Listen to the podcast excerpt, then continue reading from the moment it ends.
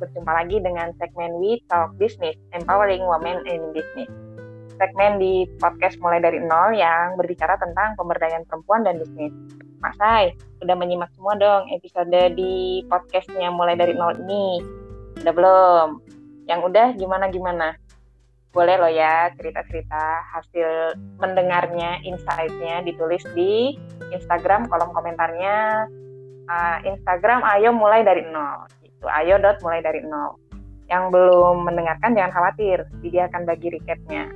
Di episode perdana itu sudah pernah membahas soal perempuan berdaya dari sudut pandang para foundernya. Terus di episode kedua itu membahas dari sudut pandang talent mapping atau bahasa bakatnya. Nah di episode ketiga pekan kemarin itu membahas dari uh, sudut kesehatan jiwa gitu ya perempuan berdaya dan kesehatan jiwa Nah, hari ini insya Allah sudah masuk ke episode keempat nih. Kita akan mulai membahas perempuan berdaya dari sudut pandang agama. Episode kali ini, saya Makwit yang akan menemani Mak Sai di mana pun berada. Pastinya nggak sendiri, karena akan ngobrol bersama seorang ibu berdaya dari rumah yang luar biasa perannya.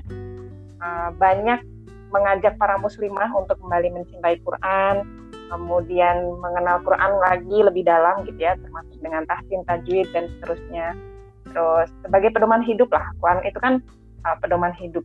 Nah, siapakah dia? Ayo kita panggil sama-sama Mak Syufah Nur Hijrah. Assalamualaikum Mak Syufah. Waalaikumsalam warahmatullahi wabarakatuh. Hai, apa kabar Mak Syufah? Gimana gimana kabarnya? Iya, alhamdulillah baik-baik. Gimana nih Mak Wid nih? Teman-teman. Iya, sama di sini juga baik. Di sana mendung, Mak? Di sini uh, masih terang nih, Mbak. Oh, terang. Iya. Sebagai informasi ya, Mak Syufah ini beliau itu salah satu mahasiswi belajar sama kayak Widya, mahasiswi belajar di Ibu eh, kampus Ibu Pembaharu dan juga beliau ini salah satu aktivis ya aktivis ketua himpunan mahasiswa di Ibu Profesional Tangerang Selatan. Jadi lagi sibuk apa Mak sekarang Mak? Nah, ini kesibukannya ini nih ngikutin Mbak Mak Wit nih. apa tuh? Sama Mak Wit.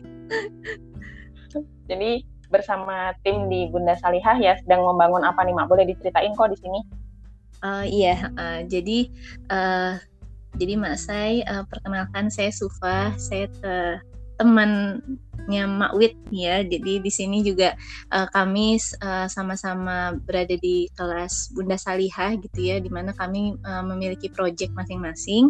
Nah, uh, saya dan beberapa teman, uh, beberapa teman di tim saya ini, uh, kami memiliki uh, gerakan gitu ya. Jadi gerakan yang kami menamakannya Rumah Quran Ibu gitu. Hmm.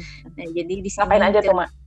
Iya, iya Mawit. Jadi di gerakan ini itu uh, sebetulnya ini sedang dalam sedang ini ya sedang berjalan juga ya untuk kelas tahsin gitu ya untuk para ibu gitu ya yang mau belajar uh, untuk memperbaiki bacaan Qurannya gitu. Dan itu dilakukannya dari rumah gitu ya. Jadi online gitu ya karena kita sedang di masa pandemi seperti ini gitu ya. Jadi semuanya dilakukan dari rumah gitu. Dan uh, kami sih um, memiliki target gitu uh, ada uh, sekitar 50 ibu yang minimal gitu ya dalam setahun ini uh, kami berharap ada 50 ibu gitu ya yang bisa uh, belajar uh, tahsin bersama gitu ya dan nantinya bisa menjadi pengajar gitu buat anak-anaknya di rumah. Gitu Wah, sih, banyak ya, Mak.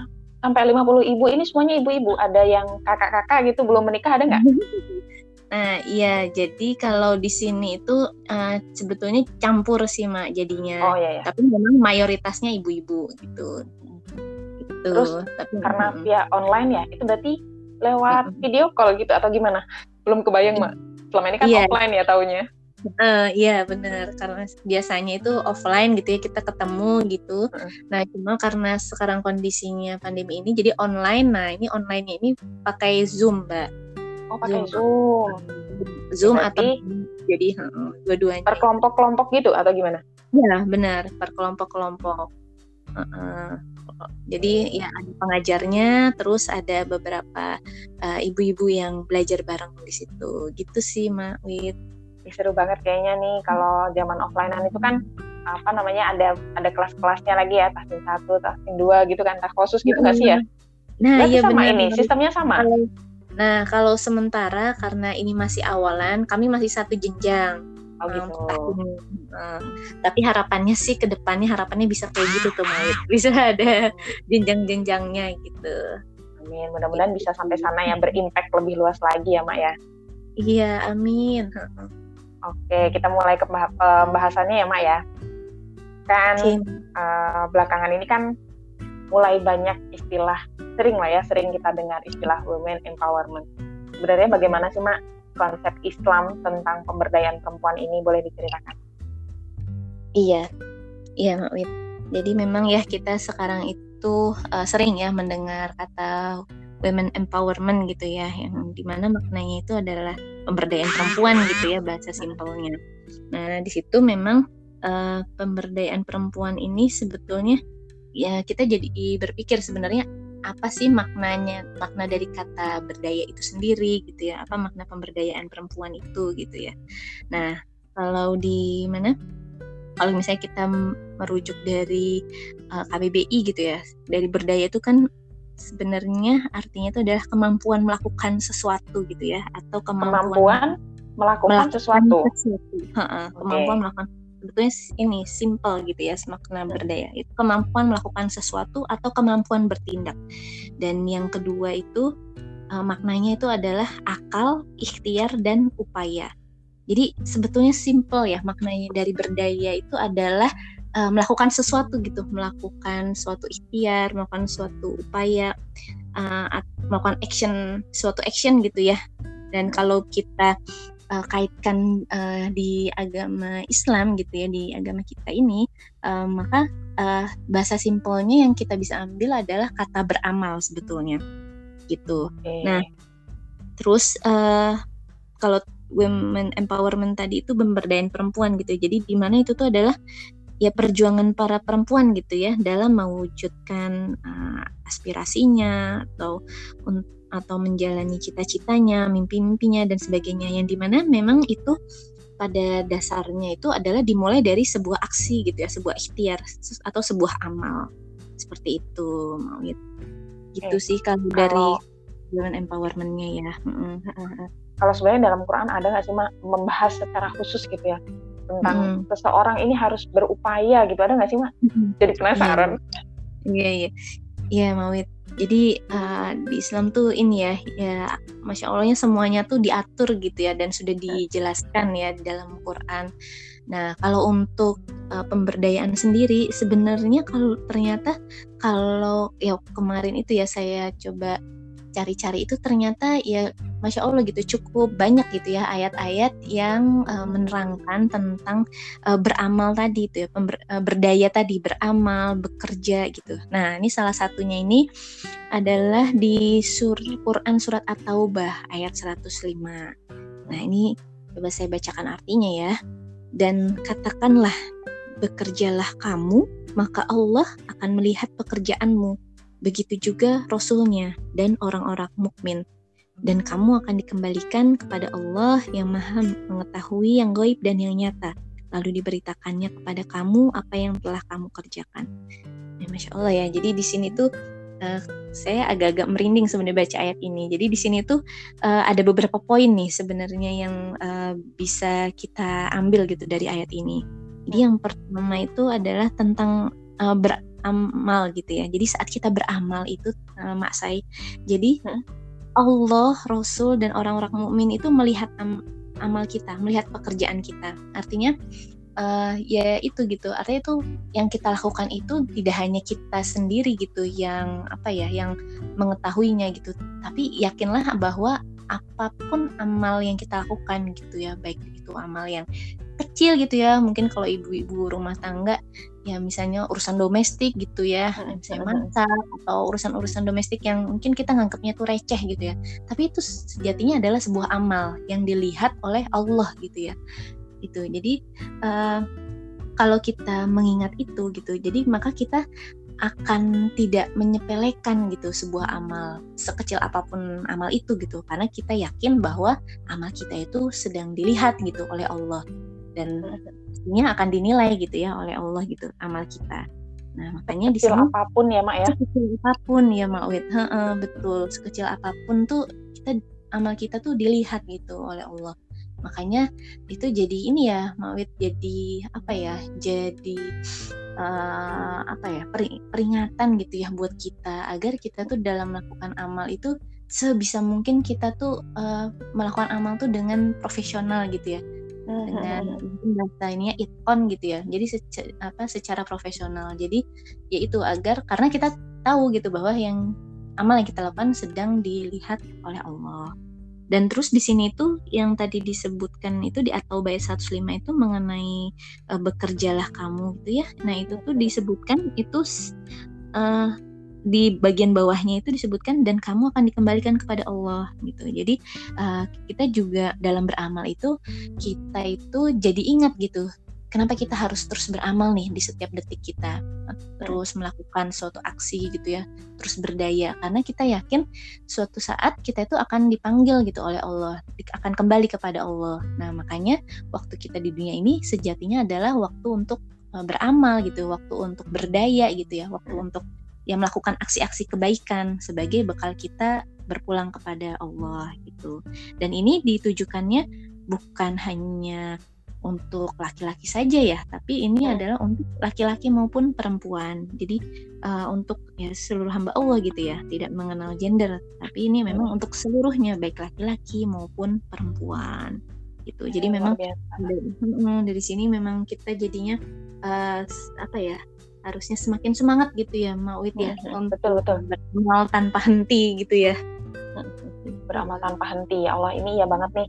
Jadi seringnya emak-emak tuh suka lupa ya karena merasa itu hmm. aktivitas keseharian rutinitas yang udah ya udahlah bangun tidur itu masak begini begitu gitu ya udah hmm. udah otomatis gitu rutin tanpa ya, rutin gitu ya, ya. benar dan itu kayak ya udahlah gitu nggak nggak peduli nanti mau dinilai orang apa enggak gitu yang mau di hmm. apa ya menurut anak-anak masakan kita enak apa enggak gitu kayak udah hmm. rutinitas aja gitu saking udah nggak pernah ini lagi ya gitu hmm. sih oke oke okay. luar biasa nih jadi sebenarnya mak kalau pembahasan tadi yang uh, luar biasa ya di atau ayat 105 menurut menurut Mak Sufa sendiri dalam selama ini yang sudah sama-sama kita pelajarin ya. Pemberdayaan perempuan ini hak atau kewajiban sih Mak sebenarnya Mak? Iya. Jadi uh, Mawit kalau saya sih melihatnya itu uh, di dua hal gitu ya. Jadi itu okay, okay. Uh, juga uh, pertama dari segi kewajiban gitu. Nah, hmm. kayak tadi ya kita dengar di surat atau bait 105. Nah, di situ kan Allah itu berfirman bekerjalah kamu gitu. Nah, adalah seruan gitu ya untuk kita. Untuk kita itu uh, yaitu melakukan suatu pekerjaan melakukan suatu aksi gitu ya melakukan suatu amal gitu. Di mana itu adalah bentuk uh, pemberdayaan kita gitu. Untuk bentuk kita itu uh, berdaya gitu ya melakukan sesuatu seperti itu. Dan uh, di surat An-Nahl ayat 97 gitu ya uh, Allah juga berfirman seperti ini barang siapa yang mengerjakan kebajikan baik laki-laki maupun perempuan dalam keadaan beriman, maka pasti akan kami berikan kepadanya kehidupan yang baik dan akan kami beri balasan dengan pahala yang lebih baik dari apa yang telah mereka kerjakan. Jadi masya Allah di sini tuh uh, seakan-akan kita juga jadi uh, apa ya mendapat bayangan gitu ya tentang apa yang akan kita dapatkan dari Allah saat kita itu mengerjakan ke kebajikan gitu.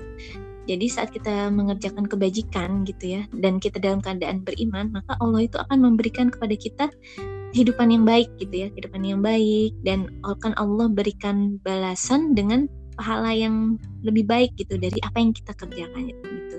Jadi itu ya seperti ya mungkin bisa dibilang itu seperti uh, ya balasan gitu balasan atau hak dari apa yang kita lakukan gitu saat kita melakukan sebuah amal gitu saat kita berusaha untuk menjadi perempuan yang berdaya seperti itu. Dan itu ya itu juga menggambarkan itu adalah hak kita gitu ya adalah hak kita untuk uh, menjadi seorang perempuan yang berdaya seperti itu Mawid.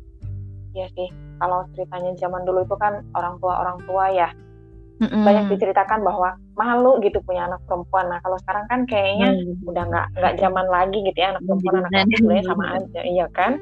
Uh, uh, betul betul, ya. Um, mau mengerjakan kebaikan mau itu laki-laki mau perempuan sebenarnya sama aja gitu kan dan Mm, mm, benar. dapat pa- balasan gitu balasan pahala dari apa yang dia kerjakan sebenarnya ya. Masya Allah. betul betul. ini boleh Mm, mm. dan juga mak saya semua nih tentang sebenarnya gimana juga nih posisi perempuan dalam Islam mak. Iya, Mak kan. Heeh, betul.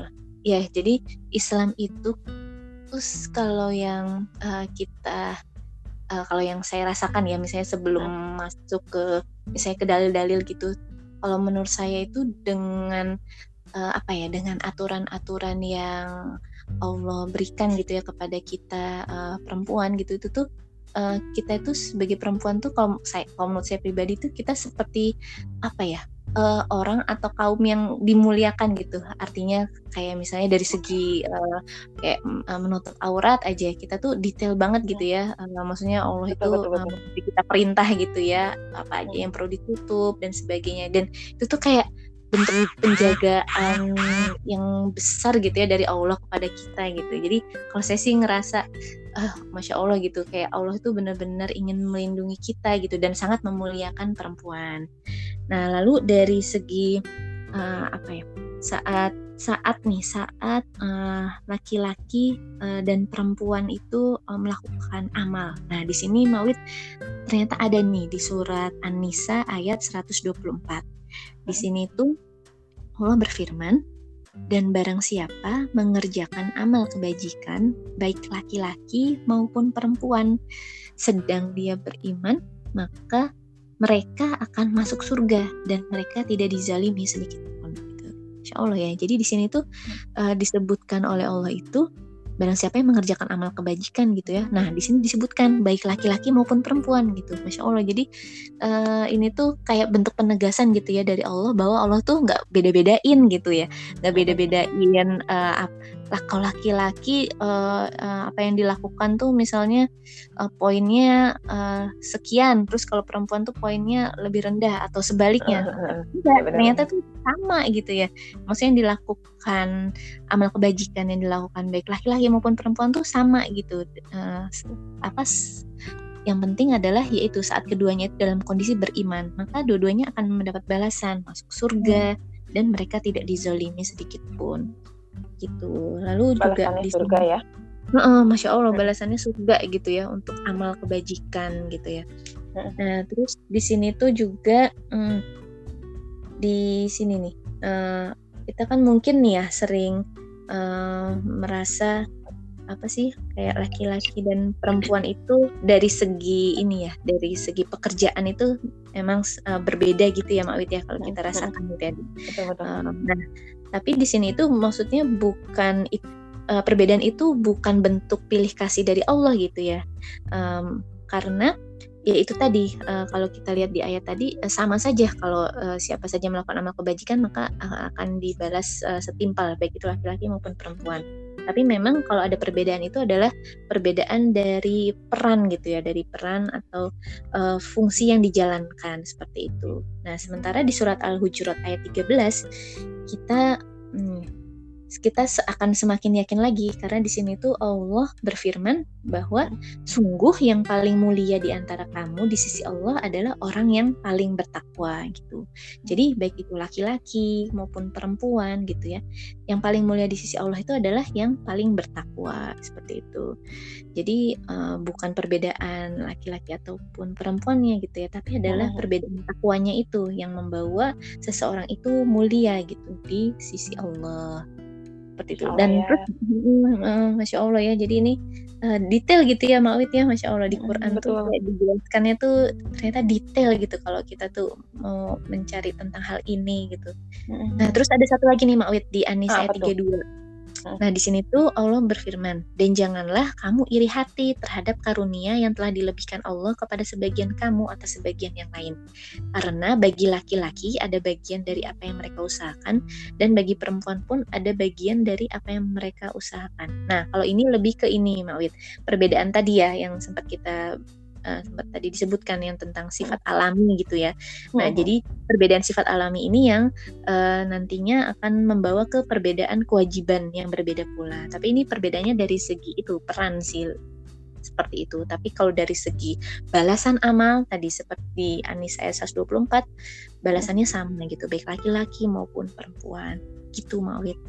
Ya tapi sebenarnya juga kan Islam itu tidak menghilangkan ya menghilangkan keberadaan perempuan gitu sebagai individu karena betul, juga perempuan itu diperbolehkan untuk bekerja kan sebenarnya diperbolehkan untuk berpendapat dan seterusnya.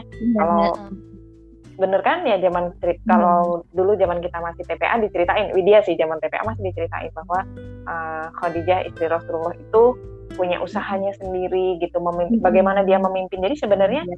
nggak ada hmm. perbedaan ya mak ya betul betul. Iya nggak ada perbedaan sebetulnya antara perempuan sama laki-laki. Jadi maksudnya Islam itu tidak membatasi ya mak Widya betul. Nah, betul.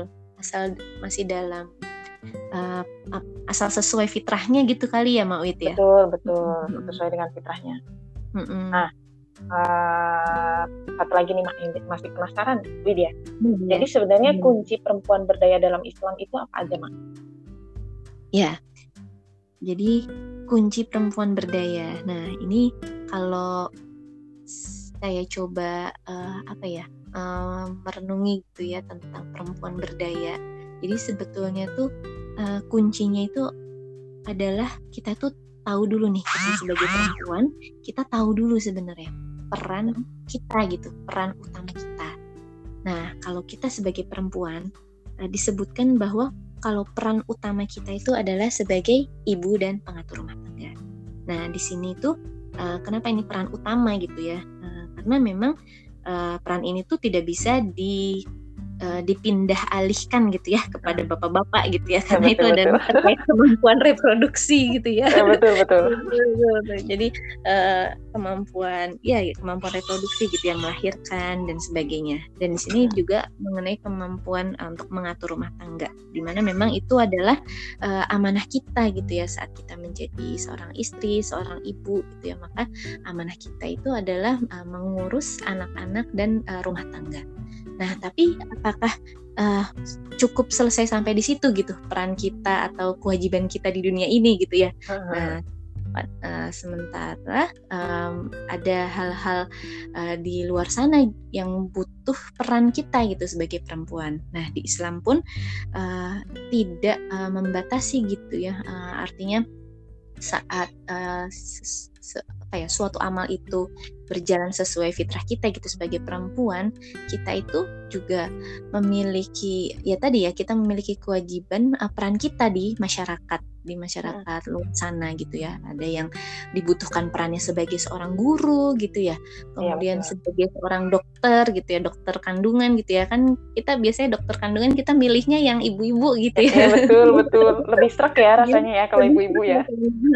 gitu. Kayak rasa lebih aman lebih nyaman gitu ya. Hmm terus ya dan beberapa peran lain gitu yang itu emang uh, peran-peran uh, yang uh, apa ya cukup penting untuk diisi oleh uh, para perempuan gitu. Jadi memang kita selain memiliki peran utama, kita juga memiliki peran uh, di masyarakat karena di situ ada juga tanggung jawab kita gitu ya uh, untuk uh, tadi ya untuk memenuhi kebutuhan um, masyarakat gitu ya memenuhi kebutuhan orang-orang uh, di sekitar kita seperti itu jadi kayak tadi yang uh, Mak Wit sempat uh, utarakan gitu ya yang hmm. tentang yang namanya perempuan itu tetap boleh uh, apa uh, bekerja gitu ya. Kemudian uh, menuntut ilmu uh, dan sebagainya dan sebagainya gitu ya. Yang itu uh, memang ya seperti ya tadi kata uh, Mak Wit juga ya yang tentang uh, Hadijah gitu ya istri Rasulullah yeah, yeah, beliau itu adalah seorang pedagang yang masya Allah gitu ya yang kayaannya itu ya uh, ya masya Allah gitu ya uh, bikin ngiri deh. Bikin iya benar benar bikin uh bisa nggak ya zaman sekarang iya. tuh ada yang kayak ada yang kayak gitu gitu. Suka. Iya. ya berpikir luar biasa ya Hadijah itu bisa bisa sampai kayak gitu gitu. Gimana ceritanya bener, gimana ininya jadi pengen tahu lebih lanjut ya Maya bener-bener iya bener-bener bener jadi jadi kayak pengen tahu gitu ya uh, ya gimana ya biografi beliau, gimana perjuangan ya. beliau dulu gitu ya Mak Wit ya. Mm, bisa bisa mengembangkan usahanya gitu ya. Mungkin dari awal sampai bisa uh, besar seperti itu sampai ya sampai Rasul pun bisa ikut bekerja di situ gitu ya. sampai ya kalau berdagang tuh mungkin kalau sekarang ini kali ya uh, asetnya tuh mm-an gitu kali ya kalau di kalau di iniin gitu ya kalau di convert gitu ya maksudnya iya benar benar. Udah nggak ber mm bertriliun triliun ya kali ya? tetean gitu ya uh, benar benar. Uh, tapi memang uh, ya itu ya tadi selain uh, apa dari Hadijah itu selain uh, kemampuan beliau berdagang tapi di situ ya masya Allah gitu beliau itu uh, orang pertama gitu ya yang uh, mengakui gitu ya uh, yang mendukung uh, Nabi Muhammad SAW gitu ya. Jadi uh, orang pertama atau orang paling dekat gitu yang mendukung dakwahnya beliau gitu. Jadi masya allah sekali gitu ya. Uh, apa namanya? Ya bunda Hadijah itu dengan perannya gitu ya. Jadi beliau memainkan peran itu uh, tidak hanya sebagai seorang istri gitu ya sebagai istri yang menaati suami istri yang mendukung suami tapi juga beliau me melaksanakan perannya gitu ya uh, berdagang dan sebagainya gitu. Jadi ya masya allah kita bisa belajar banyak gitu dari bunda Hadijah. Terus uh, selain itu uh, ini Makwid jadi keinget juga ya uh, Aisyah radhiyallahu anha itu juga ini ya uh, Makwid juga ini pinternya masya Allah ya. Masya Allah kayak ngajarin oh, bener-bener uh, kayak ngajarin sahabat hadis, ber, hadis berjalan kan katanya juga kan? bener-bener. Oh bener Makwid hadis berjalan masya Allah ya. Itu padahal seorang perempuan juga ya. Iya benar.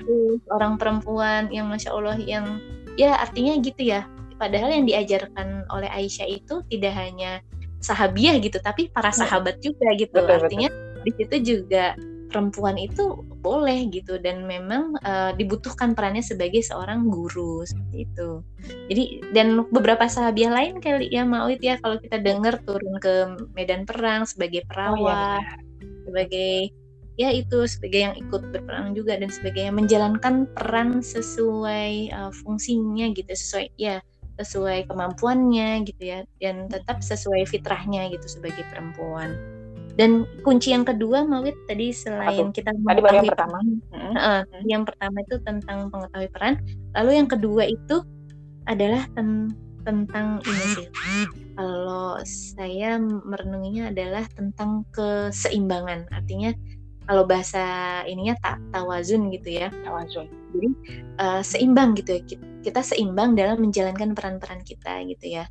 Uh, artinya di situ kita memenuhi hak dari masing-masing uh, apa ya objek yang kita itu uh, berinteraksi uh, pada objek itu gitu. Artinya kalau misalnya kita di rumah gitu ya kita sebagai istri sebagai ibu kita memenuhi hak suami memenuhi hak anak-anak.